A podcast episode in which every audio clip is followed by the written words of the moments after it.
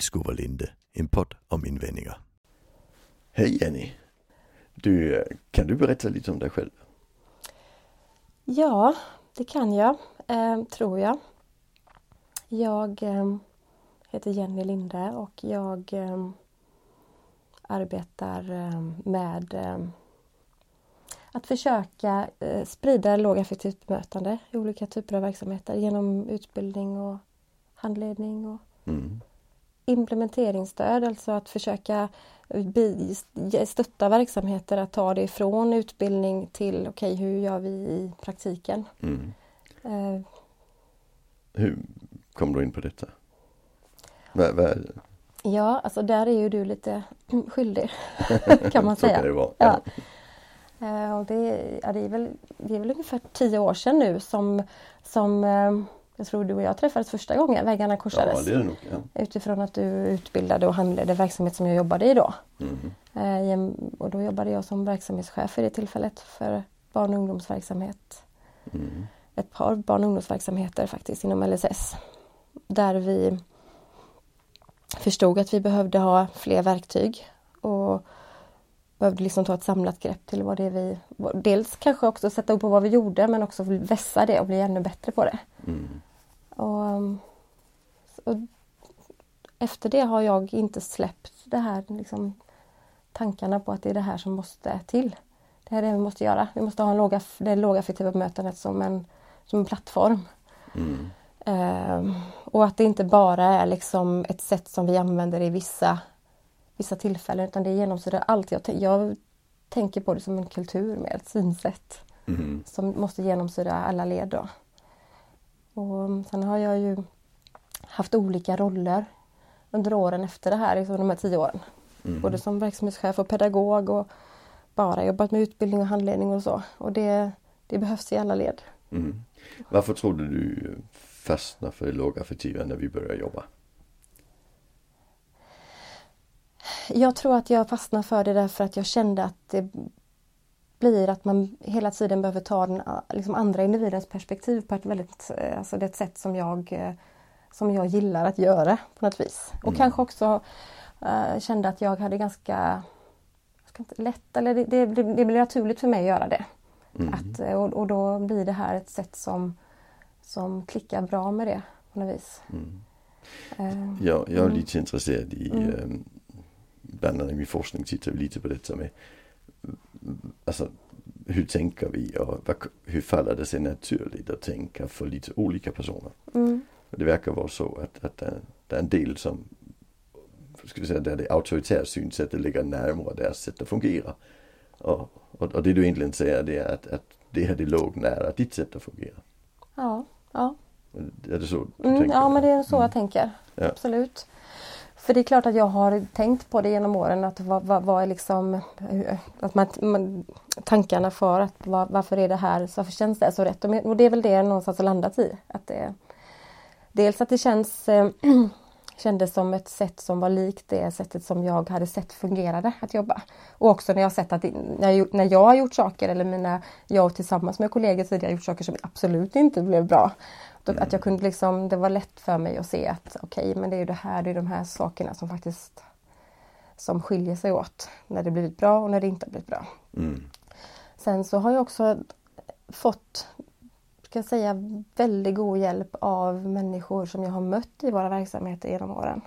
Som har satt ord på bland annat stress. Mm. Hur stressen känns. Alltså individer själv som jag mött i verksamheter som har levt under väldigt, väldigt hög stress och belastning under lång tid.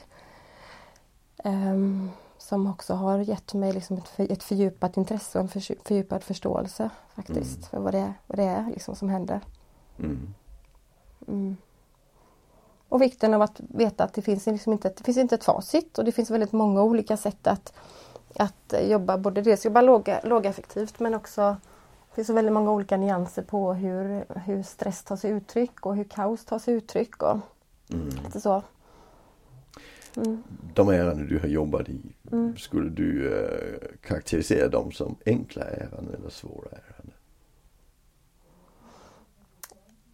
Ja, svåra får jag nog säga i och med att jag, de verksamheterna som jag har jobbat i ofta har varit verksamheter som kanske inte har varit det naturliga förstahandsvalet utan och det kan bero nog inte alltid, eller jag skulle säga att det inte alltid beror på att det har varit personernas liksom kanske uttryck som har varit det mest komplexa utan men såklart att om man får vara med om många olika flyttar och man, liksom, man får mm. Man hoppas många gånger på att man ska få liksom rätt stöd och så blir det inte bra så att det är klart att det mm.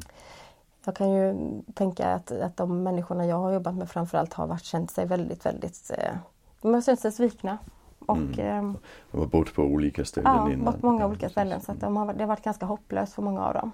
Mm. Till och med, för jag har jobbat mest främst med barn och ungdomar. Och väldigt unga människor då, ungdomar och barn som har kommit som man har känt att de ibland nästan har gett upp. Mm. På något sätt. Så det, och det är ju tufft, det är en tuff resa för då får man lägga väldigt mycket fokus på att bygga alltså den här tilliten liksom på något sätt. Mm. Eh, och jag kommer ihåg Jag kommer ihåg exakt första gången jag sa till en familj, eh, alltså ett föräldrapar, att jag kommer eh, och det gjorde jag ju i egenskap då att jag var ansvarig för den här verksamheten så sa jag till dem att eh, jag ger inte upp, alltså jag lovar det liksom. Mm. Och det är klart att deras känsla var att, ja men så säger alla. Eh, och jag var tvungen liksom, liksom både för mig själv att liksom bestämma mig, nu lägger jag ribban där, fast jag gör inte det. Alltså mm. vi, vi är så, vi, kom, vi, vi är tillsammans här nu kommer vi se till att det här, vi ger inte upp liksom. Det måste gå. Mm. Um, efter det har jag sagt det många gånger men för att jag känner på något sätt behöver jag det. Och det har, jag behöver det liksom Jag behöver sätta den pressen lite grann på mig själv. Mm. Så, för att, um, mm. så det är, mycket av, det är mycket av drivkraften. Att, vi, att liksom inte ge upp. Liksom. Det är inte lätt men det vet vi från början och ju, ju mer medvetna vi är om det liksom, mm. desto, desto, alltså, desto enklare är det att hitta riktningen och att orken. Mm. Så. så, så alltså, det du egentligen säger det är detta med att, att allt går att lösa. Ja. ja. Och, och det ja. gäller att ha det fokus för accepterar vi att ge upp då slutar vi kanske lite väl tidigt. Ja, så skulle man säga. Det är mm. inget alternativ liksom. För mig har det varit, det, det är, inte ett, det är inte ett alternativ. Mm. Um. Jag tycker det är jättespännande. Jag träffar ibland föräldrar. Mm. Och föräldrar kan ju inte ge upp. Nej. Att det finns ju ingen möjlighet. Nej. Och sen träffar jag personal och personal kan ge upp. Mm. Och, och, och, det blir ibland krockar däremellan liksom. Ja. Att, att föräldrarna upplever nu hamnade i knät på oss igen liksom. Fast folk, socialförvaltningen har sagt att vi inte fixar det. Mm. Och sen hamnar det i knät på oss därför att personal kan bara säga nej, det funkar inte. Ja, mm. absolut. Och det är också sådana där saker som jag ganska liksom tidigt inom, inom, jag jobbar inom barn och ungdomssidan framförallt, även om vi möter på föräldrar Alltså, även, alltså det gör man ju, förälder, förälder är man ju hela livet. Mm, precis. Eh, men, eh, men det jag håller med dig och det, det har också satt, det, det, har liksom gjort starkt satt starka, gjort starkt avtryck på mig ska jag säga. Just de här, alla de här föräldrarnas berättelser. Eh, också en, en, en, familj där jag tänker på när jag frågade sådär vid något tillfälle hur, hur har ni orkat? När de, efter att de hade liksom beskrivit sin situation, hur de hade haft det och så tittade den här föräldern på mig och så och sa Ja du Jenny vad, vad tänker du vi skulle gjort istället? och det är lite så, alltså man kan inte ge upp och det, man vill inte ge upp såklart. Men, och där får ju vi som verksamhet eller vi som jobbar med, så som är liksom professionella i det här på något sätt ett jättestort ansvar som vi måste ta. Att liksom säga, fast, ja, men, och, och, vi, för vi är, inte, vi är inte där hela tiden. Vi, det, det, vi får hela tiden förhålla oss till att vi kan, det här är vårt arbete och vi får jobba så att vi, så att vi orkar. Så att mm. vi skapar en, en, en struktur och en, en, organisation runt det här, upp, varje uppdrag så att vi orkar. Mm. Eh, så att vi står ut liksom. Eh, och det, och det, så har det, ser det inte ut för föräldrarna och familjerna utan det, de går ju på reservtanken. Ja, ja, hela tiden mm. på något sätt och det ska inte vi behöva göra. Nej. Tycker jag. Det är så anser jag. Nej, det, det, kan, det ska vi se till att vi inte behöver. Ja, ja. Så, ja. Precis. Mm. Det, det är fördelen i att vara professionell kan man säga. Att vi har tillgång till att kunna plocka in fler resurser ja. och så. Mm. Mm. Ja, det är, det är bra. Det är alltid kul. Ja. Eh, du har växt upp i en liten by där det finns en jättestor verksamhet. Ja. ja. tror du det har betydelse för hur du har tänkt i ditt liv? Ja, jag tror det. Eh, fast jag kan inte liksom på något sätt minnas när jag började tänka att det här ska jag... Alltså så. Eh, jag har ju velat... Eh, mitt mål var ju att bli specialpedagog, alltså lärare. Mm. Så jag har ju, det är där jag har min, min största liksom, akademiska bakgrund. Så. Men, men jag, första gången jag arbetade eh, i den här verksamheten då som, som, som, du säger som har varit en väldigt stor del av den här orten var jag 13 år. Ja. så det är klart att någonstans så kan man väl säga att jag troligen har blivit lite, lite färgad av det. Ja. Eh, och visste såklart inte riktigt vad jag gjorde men jag hade ett uppdrag på somrarna så från att jag var 13 till 16 så var, jobbade jag på somrarna med uppdraget att, eh, att göra liksom semestern lite lite roligare för de som var, hade semester från sin dagliga verksamhet. Mm. Så att, eh, och det gjorde vi genom att äta mycket goda kakor och baka tillsammans och sjunga och, spela spel och så. Mm. Så såg det ut då. Så det är klart att det har säkert gjort att jag både blivit intresserad och kanske också känt mig ganska bekväm med att vi är olika. Liksom. Mm. Jag tycker det är lite spännande för ibland i, när jag pratar med professionella så säger de att den typen av små samhällen där det är väldigt stora verksamheter eh, att, att där blir det också väldigt trögt att få till förändringar. Alltså för det att sättet att tänka kring verksamheten är inbäddad i hela lokalkulturen. Mm. Fast du är ju ganska, du är ju spjutspets kan man säga i, i, i, i Sveriges pedagogiska värld liksom. Ja, det vet jag inte. Jo, jo, men det, du tillhör dem som är det och du kommer ändå från den typen. Det tycker jag är lite hoppingivande också.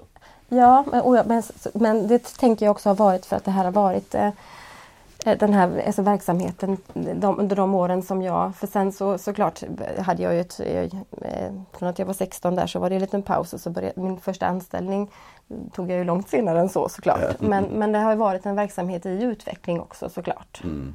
Och, men där egentligen hela tiden människosynen har varit väldigt utpräglad. Och jag tänker bara det att rollen som, som, som jag hade, som lillvärdinna kallades det. Mm. Och, och uppdraget som jag har reflekterat ganska mycket till på senare år. Just det här att, ja, vad var egentligen eh, mitt uppdrag? Ja, men det var att göra, göra det lite, lite roligare. Göra mm. dagarna mm. lite, lite meningsfullare.